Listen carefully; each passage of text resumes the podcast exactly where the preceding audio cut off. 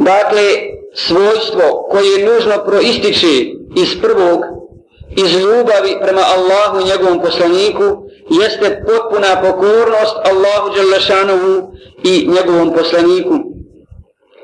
I nema nikoga među nama da sumnja u to da se onaj koji nekog voli pokorava onome koga voli. Dakle, to je opšte poznata stvar. I istinska vjernica zastaje kod Allahovih naredbi i izvršava ih sa potpunom preciznošću, iskrenošću i zastaje kod Allahovih zabrana i ostavlja ih potpuno.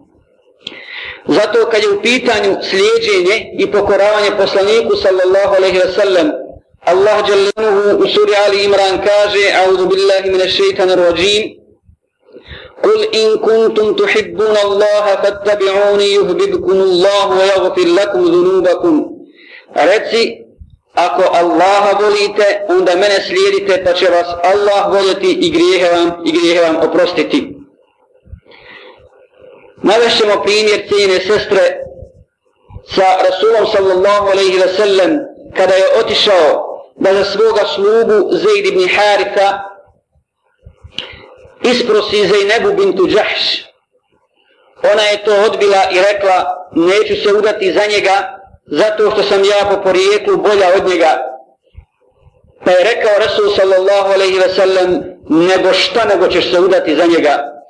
Dok su tako razgovarali, Allah Đelešanu je objavio ajet, ما كان لمؤمن ولا مؤمنة إذا قضى الله ورسوله أمرا أن يكون لهم الخيرة من أمرهم ومن يعص الله ورسوله فقد ضل ضلالا مبينا nemaju pravo ni mu'min ni mu'minka.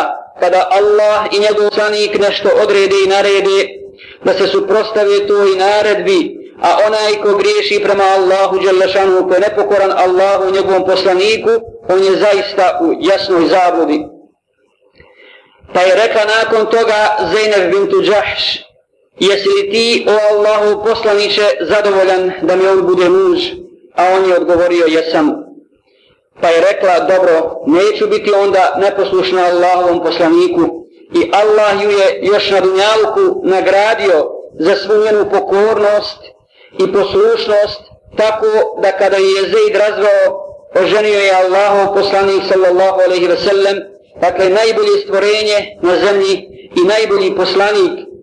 I imali, imali bolje nagrade za vjernicu na ovome svijetu, dakle na dunjalku, od toga da bude žena Allahovom poslaniku Muhammedu sallallahu alaihi ve sellem. Zato istinska mu'minka, istinska vjernica, kada joj dođe naredba od Allaha i poslanika sallallahu alaihi ve sellem, pokorava mu se i predaje, pa makar se to ne slagalo sa prohtjevima njene duše. Međutim, malo je žena muslimanki koje daju prednost Allahovoj naredbi, i naredbi poslanika sallallahu alaihi ve sellem na svojom strasti. A u hadisu stoji da je rekao poslanik sallallahu alaihi ve sellem nećete biti istinski mu'mini dok vam strast ne bude slijedila ono sa čime sam došao. Dakle, to je druga od osobina koje trebaju da krase istinsku mu'minku.